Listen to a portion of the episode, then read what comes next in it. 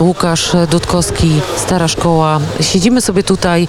Łukasz e, w międzyczasie przyniósł e, wspaniałą paczkę pistacji, p- tak mniej więcej 30 cm na 25, tak, takiej wielkości paczka, która kosztuje ile? Lekką ręką 50 euro za kilogram plus transport tutaj. Tu już rozumiemy, dlaczego stąd są te ceny kremu, o którym rozmawialiśmy. Naprzeciwko mnie w, w szklance jest kakaowiec. Ja zaraz dla Państwa sprawdzę, czy to prawdziwe. Nieprażony. Nieprażone. Y, Rozgryzłam dlatego, żeby było szybciej, bo nie chciałam e, przedłużać i mówić teraz, proszę Państwa, otwieram ten kakaowiec. Tak, to jest prawdziwy kakaowiec, więc, e, więc e, zaraz też można opowiedzieć o tym, co się tu dzieje. Zaczęliśmy rozmawiać o historiach różnych rodzinnych, wspaniałych przejściach, wspaniałych losach bohaterów naszych, waszych terenów podlaskich. Ta, ta, ta kresowość tutaj w Sokółce jest bardzo obecna. Skąd się wzięła twoja rodzina w Sokółce? Mama zawsze była, znaczy rodzina mamy pochodzi z Sokółki. E, no z dziada, pradziada tutaj babcia na przykład pochodzi z e, wsi, która dzisiaj jest na Białorusi. I po zmianie granic po prostu została po tamtej stronie. Tata pochodzi z Lubelskiego, z Chełma Lubelskiego. Byłam ostatnio w Chełmie, nadal stoi. Kredy już mieszkańcy nie drenują pod własnymi domami. Tak, to fakt. To też piękna historia. Kiedyś Państwu na pewno zabierzemy do Chełma i opowiemy te wydobycie kredy y, mieszkańców y, od kilku, kilku wieków. Spowodowało, że w Chełmie zapadły się z kolei w pewnym momencie chodniki i tak powstała wspaniała trasa, którą wakacje też warto odwiedzić. To tak przy okazji opowiadając o różnych historiach. E, Tata z Chełma, a mama stąd i e, jak byliście wychowywani w domu? Czy ta tradycja pokoleniowa, e, ta opowieść, o której na przykład pan Horsztyński przed chwilą opowiadał o tym domu, o e, powstaniu styczniowym, o wyklętych, o, o e, Janie Wiedrowiczu, który, pseudonim Sokół, który uniknął Katynia, ale nie uniknął komunistów i o, o, zostawił rodziców po prostu bezdzietnymi. Te historie tragiczne tu na Podlasiu są bardzo mocne, bo Podlasie zapłaciło okropną, ogromną cenę za, jak cała Polska, ale na Podlasiu widać jest ten e, zrąb historii, tylko że Podlasie uchodzi jako najbardziej konserwatywna część kraju za miejsce, gdzie ta historia jest pamiętana i przekazywana z pokolenia na pokolenie. Jak w domu wyglądała opowieść o historii? Jan, Nasz dom się, nasz dom się Wasz dom? charakteryzował, charakteryzował no na pewno ciepłem to i, zawdzięczamy rzeczywiście rodzicom takie ciepłe, ciepłe wychowanie e, w kochający dom, pełna rodzina. Mm, Ale przede wszystkim ja muszę podkreślić to, że zawsze nas rodzice uczulali, żeby dążyć do, do czegoś więcej, żeby tak jak w przy- przypadku tutaj, gdzie jesteśmy, żeby tego smaku, tego, e, tego ideału szukać jak najdalej. E, Jeżeli coś jeszcze jest, e, co nie robimy doskonale, to żeby szukać jednak tej doskonałości. Dlatego tak wydaje mi się też, że całe to miejsce na tym polega, że my cały czas coś zmieniamy, żeby było coraz lepiej. Ja bym to nazwała słowem porządny. To, co charakteryzuje w moim odczuciu, a jestem w połowie podlasianką, wprawdzie nie tych terenów, ale tych, jak my się kłócimy pokoleniowo, to starszych y, niż te tereny. Y, Jako podlasianka mogę powiedzieć, że zawsze mi to przychodziło na myśl, jak wchodziłam do tych domów podlaskich, że te domy są po prostu porządne, że tam panuje pewien ład i wszyscy się starają, jak robią pierogi, pieką chleb, cokolwiek robią, starają się być w tym najlepsi. Tak, tylko mm, oczywiście mm, zgadzam się, tylko je, ja chciałbym dodać, że pomimo to nigdy nie, y, nasz dom rodzinny nie, mm, jakoś nie tłamsił tych naszych pasji czy zainteresowań. No mój brat jest, mój brat jest po, po weterynarii, ja jestem y, muzykiem z wykształcenia. Może właśnie ta część y, mojego brata weterynaryjna dała mu takie bardzo mocne podwaliny pod, pod mm, jeżeli chodzi o wiedzę w ogóle, taką chemiczno-biologiczną, to się bardzo przydało w, w lodach, w konstruowaniu w ogóle smaku, czy, czy bilansowaniu tych cukrów, to, to wszystko tak naprawdę było wykorzystywane przez niego w tej pracy dzisiejszej. Ale opowiadaliście mi poza anteną historię niezwykłą dziadka, y, taty, y, waszego taty.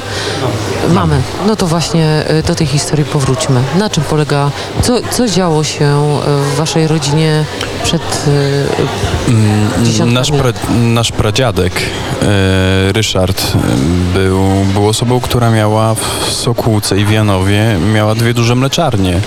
I tak naprawdę to wszystko zostało rozkradzione i no prawdę mówiąc, no my, my oczywiście nie poznaliśmy go. On, on, on został, em, został zesłany i no i tyle z tej, z tej, z tej tradycji takiej mleczarskiej. Mm, Dlatego my się też zazwyczaj do tej tradycji nie, nie odwołujemy, no bo dzisiaj lody tradycyjne się najczęściej kojarzą z tym, znaczy z tradycji to zostało tam jedynie nakładanie gałkami, prawda, gałkownicą, a, a poszliśmy w takie łączenie tradycji z nowoczesnością, z tymi, z tymi możliwościami, które daje dzisiejszy świat, że ja mogę y, orzech oryginalny ściągnąć z drugiego końca świata, czy kawę możemy ściągnąć z drugiego końca świata i wydaje mi się, że takie połączenie, takie dążenie do tego, żeby coś było rz- rzeczywiście doskonałe, że ludzie, sokółczanie czy, czy inni nasi goście mogą zjeść na miejscu ym, produkt porównywalny, a czasem bardzo często lepszy niż, ni, ni, niż włoski czy, czy hiszpański. Dużo z nich przyjeżdża po wakacjach i mówi, słuchajcie, jedliśmy lody, ale one do waszych nie dorastają. I to, to jest y, prawda, bo y, ja jestem ogromną fanką lodów i y, zjechałam kawał świata i próbowałam różnych smaków. Te pistacjowe naprawdę zrobiły na mnie wrażenie. Natomiast to jest też trochę tak, że ta tradycja, mówiłeś o tym, że dziadek miał mleczarnię, teraz Łukasz skończył weterynarię, dzięki temu ma pewną specyficzną wiedzę, ale gdzie tak naprawdę powstają te lody? Czy te lody powstają tu, w miejscu, gdzie jesteśmy w starej szkole, czy macie jakieś hale, gdzie tam e, e, kupujecie w paczkach wrożone lody i wrzucacie do automatu, żeby trochę rozrzedził? No to nie, no to, to, to rzeczywiście mm, cały pomysł tego miejsca polegał na tym, żeby od jak najbardziej s, y, y, mm, takiego mm, od, od surowca, y, żeby to powstawało w, tutaj na miejscu, tutaj za ścianą. Wcześniej mieliśmy wcześniej mieliśmy tą e, produkcję, produkcję na widoku. No musieliśmy to też zmienić trochę, no bo to się rozrasta. Ci różni ludzie do nas przyjeżdżają, pytają o współpracę, jakieś franczyzy i to, co prawda doba COVID-u to trochę przy, ale mam nadzieję, że to kiedyś wypali. E, No już wysyłamy tam pierwsze przetarte orzechy, do, do jastarni ostatnio wysłałem, czy, czy zaczęliśmy na przykład mm, em, dostarczać kawy do wspaniałej cukierni mistrza, mistrza świata w Poznaniu. To jest nowo otwarta cukiernia OWO na Dominikańskiej, polecam bardzo, bo facet jest wspaniały. Także my tutaj się skupiamy rzeczywiście na tym, żeby to było jak najwyższej klasy i robione na miejscu. Palimy orzechy, prażymy, e, nie, palimy, palimy kawę. E, To wszy- wszystko dzieje tutaj na miejscu. W biznesie się mówi o tym, że lody są najlepszym interesem, bo sprzedaje się powietrze. Czy to jest tak, e, że w lodach sprzedaje się 90% sprzeda- ceny, to jest powietrze, które się sprzedaje ze względu na miejsce, czas i okoliczności. Jak to wygląda w Waszym przypadku? Czy Wy też e, macie tak, że ten koszt produkcji jest tak niski, że, e, że zarobek na nim jest tak wysoki, że właściwie można powiedzieć, jak to się mówi, jak to się mawia e, w świecie biznesu, kręcicie lody naprawdę? Ja to nazywam szybkim zarobkiem, ale, ale to niestety y, szybko też się traci klientów. W rzeczywistości to nie jest takie łatwe i przyjemne, jak się wydaje, że to się tak dużo zarabia.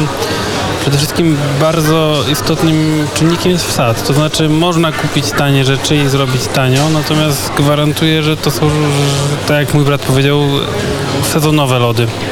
Nad morzem jak najbardziej, tak, klient przychodzi i nie wraca.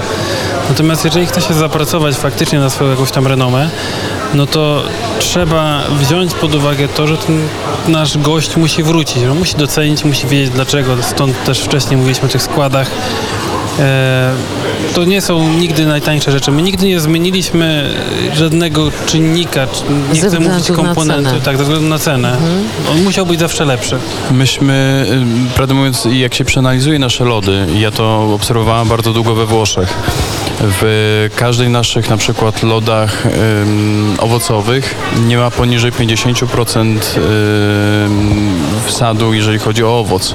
Dlatego to, to nie są wcale tanie lody w wyprodukowaniu, bo myśmy musieli, proszę zwrócić uwagę, jesteśmy w mieście, które ma 18 tysięcy mieszkańców. Myśmy musieli z tego zrobić pewną atrakcję y, gastronomiczną, turystyczną, bo rzeczywiście od kilku lat mm, prosperujemy pod takim określeniem, y, która y, do tej sokółki ściągnie ludzi i żeby oni zapamiętali, że to jest coś niepowtarzalnego. Dziś wracamy do źródeł historii starej szkoły. Opowiadaliśmy wcześniej na antenie e, Radia Wnet, że stara szkoła najpierw przed wojną była sądem i właścicielem tego e, sądu był pan Skwarko. Ta rodzina e, podzieliła losy wielu Podlasian, wielu mieszkańców Polski. Tragiczne losy e, zmieniły sąd w szkołę, ale wracamy do źródeł. Co się wydarzyło współcześnie z rodziną Skwarko? Rodzina Skwarko, opowiadamy historię e, powrotu i Twojego spotkania z potomkami pana Skwarko. Tak, znaczy faktem jest, że kiedyś należałem do 10, rekonstrukcji w sumie 10 Pułku Łanów Litewskich i tam między innymi ze mną służył pan Janek Skwarko, który okazuje się, że jest bezpośrednim potomkiem pani Skwarko i pana Skwarko, którzy byli tutaj na początku właścicielami tego obiektu. E, Co się stało po wojnie, po tym, po, e, po wywiezieniu rodziny? Jakie były dalsze losy tej rodziny?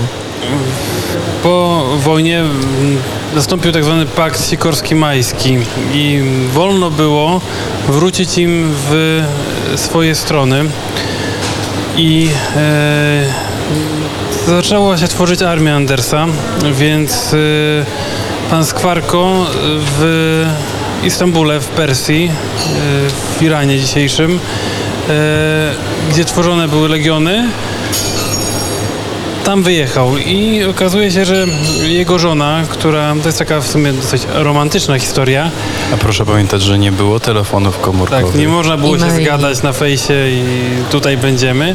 Ona po prostu usłyszała, że tam się gromadzą legiony i pojechała. Wraz z dziećmi, z dwójką dzieci. Tak. I nie zamierzała tam spotkać swojego męża, bo nie wiadomo było, czy on w ogóle żyje. Natomiast jednego dnia po prostu yy, spotkała go na ulicy, gdy defilowało wojsko. Spotkała tam swojego męża, niespodziewana. Mi serce zaczęło szybciej bić, bo Pan Bóg e, opowiada różne historie nam czasami przez naocznych świadków i e, rzeczy, które miały się nie stać, nigdy stały się możliwe. My rozpoczęliśmy e, podróż od Pałacu w Cieleśnicy, gdzie po wojnie rodzina Rosenwertów, gdzie w trakcie wojny, już tak skracając, mieścił się Sąd Apelacyjny Armii Krajowej. Rodzina Rosenwertów też poniosła konsekwencje swojej patriotycznej postawy. E, właściciel Rosenwert trafił e, z karą 15 lat do więzienia z zarzutami o współpracę z okupantem. Wyszedł po 10, umarł chwilę później. Natomiast żona z czwórką dzieci uciekła do RPA. Właścicielka obecna pałacu, która przywróciła blask ich domowi, jest właścicielką e, dużej fabryki odzieży w Polsce, Bielkomu. Bardzo takiej też romantycznej historii, gdzie, gdzie po prostu polskie szwaczki szyją, no już nie z polskich tkanin, bo o to trudno, ubiory dla polskich kobiet to jest e, duża marka, ale też e, odkryłam losy ciągu dalszego historii Rosenwertów. Otóż proszę sobie wyobrazić, że e, Gabi Rosenwert i Elizabeth Rosenwert też miały dokładnie taką samą firmę odzieżową w RPA. Ta firma przestała istnieć, ale tych historii, jak e, pisał to scenarzysta, na pewno byśmy nie zobaczyli, bo wszyscy by uznali, że to jest niemożliwe. A tu proszę, możliwe. Tam ci wyjechali do RPA, a państwo z Kwarko wyjechali do Nowej Zelandii wraz z dziećmi. No i tam, tam, tam chyba... tak daleko losy rzucały naszych była. Polaków, ale teraz, y, ponieważ a propos cudów, bo y, przywołałam Najwyższego i powiedziałam, że e, Pan Bóg czasami pokazuje nam rzeczy nieoczywiste, O, nieopodal starej szkoły jest kościół, w którym miał miejsce cud. Wy macie już trochę lat, no nie jesteście jeszcze bardzo wiekowi, ale jednak e, 2008 rok to nie jest jakaś odległa data. Jak to wtedy, jak miasteczko żyło tą informacją i co się wydarzyło, Jan?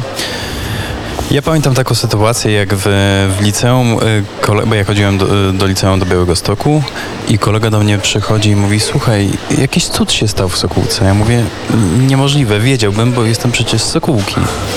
No i oni wtedy pojechali, y, podeszli do, do, do jednego z konfesjonałów, żeby im ktoś coś opowiedział i ksiądz powiedział, że nie może w ogóle o tym mówić. Bo jak się wyda, jak ten cud się wydarzył, to przez rok była, była cisza o tym. Tak, ale po, poczekaj, bo musimy, mm, być może jeszcze ktoś z Państwa, naszych słuchaczy nie słyszał tej historii. Historia polega na tym, że młody wikariusz e, parafii e, Antoniego Spadwy, nieopodal mieszczącej się starej szkoły, piękny biały kościół, e, jakoś e, przez przypadek upuścił, jak może nie przez przypadek, ale upuścił e, konsekrowaną hostię. Tak. I później procedura kościelna nakazuje e, schowanie tej hostii w sposób specjalny, zalanej wodą. To, to do, do, do naczynia, które się nazywa wasculum. Yy, i są, są dwie drogi, no bo albo, albo jest spożywana ta hostia, albo rzeczywiście yy, idzie to do wasculum. No i po tygodniu po otwarciu sejfu okazało się, że w tym wasculum ona się powinna rozpuścić, a zamiast rozpuszczenia yy, na, na hostii pojawiła się czerwona, czerwona plamka. Czerwona plamka. Siostra Julia, która odkryła, e, odkryła tę hostię z tą czerwoną plamką, e, opowiadała w wywiadzie internetowym, który obejrzałam, bardzo wzruszona, prosta zakonnica, jak mówi, niewykształcona, nie była w stanie zrozumieć, e, co się stało i dlaczego, po co to współczesnym ludziom. Dziś e, już wiemy, że hostia by została zbadana przez prokuratorów e, i innych naukowców. Y, Badało to dwóch lekarzy niezależnych od siebie i jeden, jednym z nich był ojciec mojej koleżanki z szkoły podstawowej. Y, No i kiedy to było dwóch profesorów, dwaj ym, wydali taki werdykt, werdykt, nie, nie wiem czy tak mogę powiedzieć, ze wszystkich, Opinię. tak, ze wszystkich tkanek ludzkich, zwierzęcych i roślinnych najbardziej przypomina to mięsień sercowy w stanie agonii. Ludzki. To jest po prostu taka historia, w którą nam tak normalnie jest trudno uwierzyć. Ale to się zdarzało. To się zdarzyło w Lanciano we Włoszech, to się zda zdarzyło w Argentynie. Te cuda, y, na przykład w Argentynie, sam y, obecny papież Franciszek nadzorował takie cuda. W tej chwili się jeszcze zdarzyło w, w Polsce, w, wydaje mi się, Le- Legnicy, tak? Y, No jeszcze o jednym się mówi, ale to, to, to, to jeszcze nie będę, nie będę spoilerował. Także takie rzeczy się zdarzały. To, to, to nie jest jakieś, mm, jakieś, jakaś nowość. Te cuda się zdarzały zazwyczaj tam, gdzie ich potrze- potrzeba było. I Także- wy myślicie, że u was było najbardziej potrzeba, bo może ksiądz w parafii jednak sam nie dawał rady, więc pan aż musiał przysłać taki Niezbadane list z są nieba, żeby jednak tutaj obudzić e, mieszkańców. A tak serio mówiąc, to e, nieopodal w Lizbonie jest e, obok, e, obok pięknego klasztoru jest takie uroczy, urocze miejsce, które nazywa się Mówią-Belem. E, tam, gdzie e, wypieka się słynne babeczki portugalskie, pasztej de nata, ale te to są pasztej de belem. Legendarne miejsce, gdzie po prostu kolejki 500 osób codziennie przychodzi stać w kolejce po to, żeby zjeść to wyjątkowe ciastko. Czy wy też, e, jak e, mieszkańcy albo pielgrzymi przyjeżdżają tutaj, żeby zobaczyć, dotknąć tego cudu, prosić o łaskę i uzdrowienie, macie gości e, pielgrzymujących? Tak, to się zdarza. Kiedyś się zdarzało więcej autokarów, to jednak ten, ten ruch, zwłaszcza w trakcie COVID-u, to prawie że zagasł. Kiedyś było po 40 autokarów w jeden dzień, były takie dni.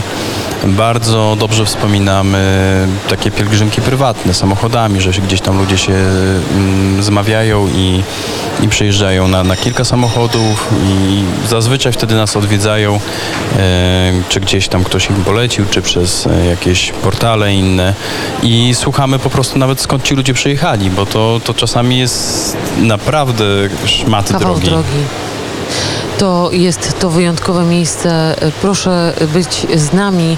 Jesteśmy Chciałam tutaj powiedzieć w Starej Szkole, ale przecież Państwo wiedzą, że jesteśmy w Starej Szkole w lodziarni najlepszej w Polsce, ale przynajmniej posiadającej 72 smaki lodów, które Państwo mogą spróbować. A teraz dla Państwa mały oddech od naszych wspomnień i rozmów, żebyśmy doszli do rozmowy o tym, co z konkurencją i jak zamierzacie ją zabić. E, Ze mną Jan i Łukasz e, Dudkowscy. Tata pewnie gada z gośćmi.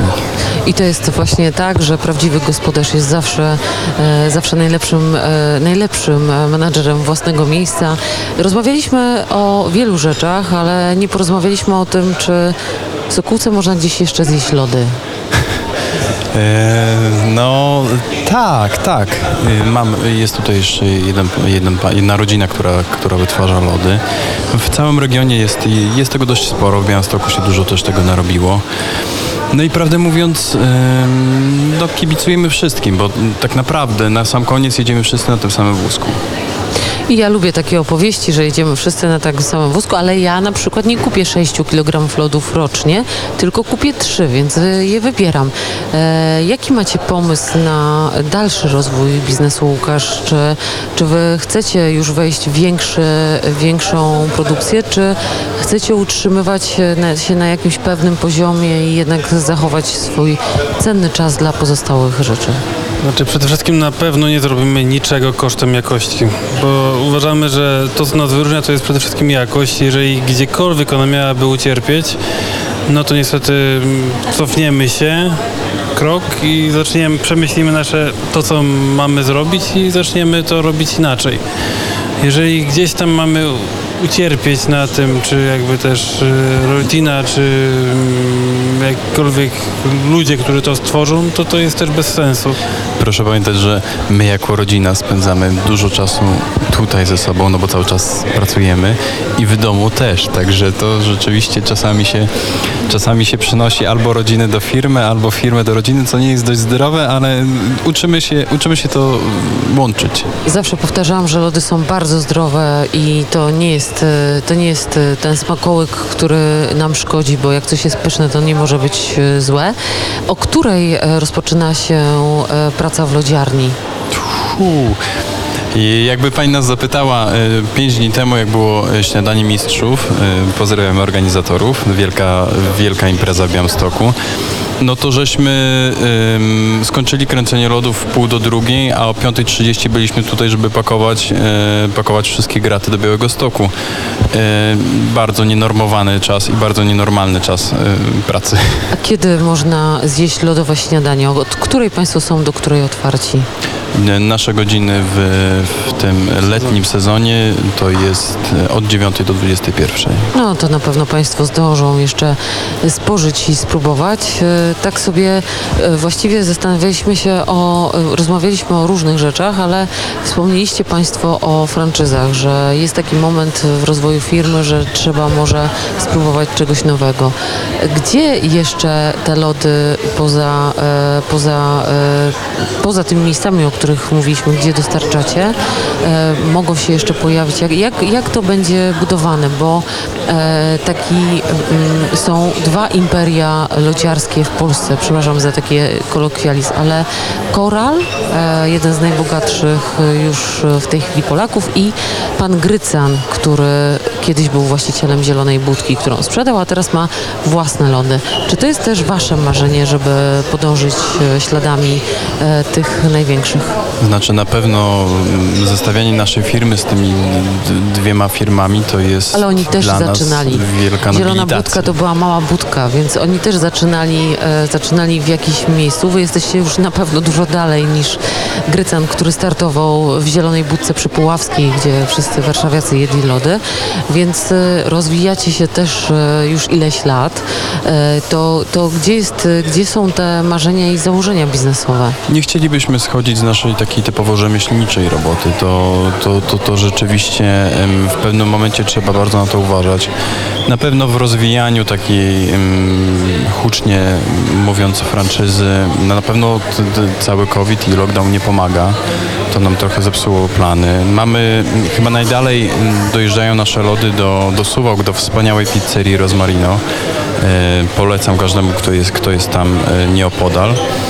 Mm, No a zobaczymy, co los przyniesie, no bo to rzeczywiście trzeba zwrócić uwagę, żeby ten charakter lodów, to żeby jakikolwiek parametr tych lodów, czy smak, czy kremistość, czy, czy struktura, żeby to nie ucierpiało, no bo można oczywiście sprzedawać każdemu nasz, na, nasz wytwór, a, a, co ktoś potem z tym zrobi, trzeba na to uważać, no bo Nie może być tak, że ktoś pójdzie po- na nasze lody, a dostanie coś dia- diametralnie innego niż u nas.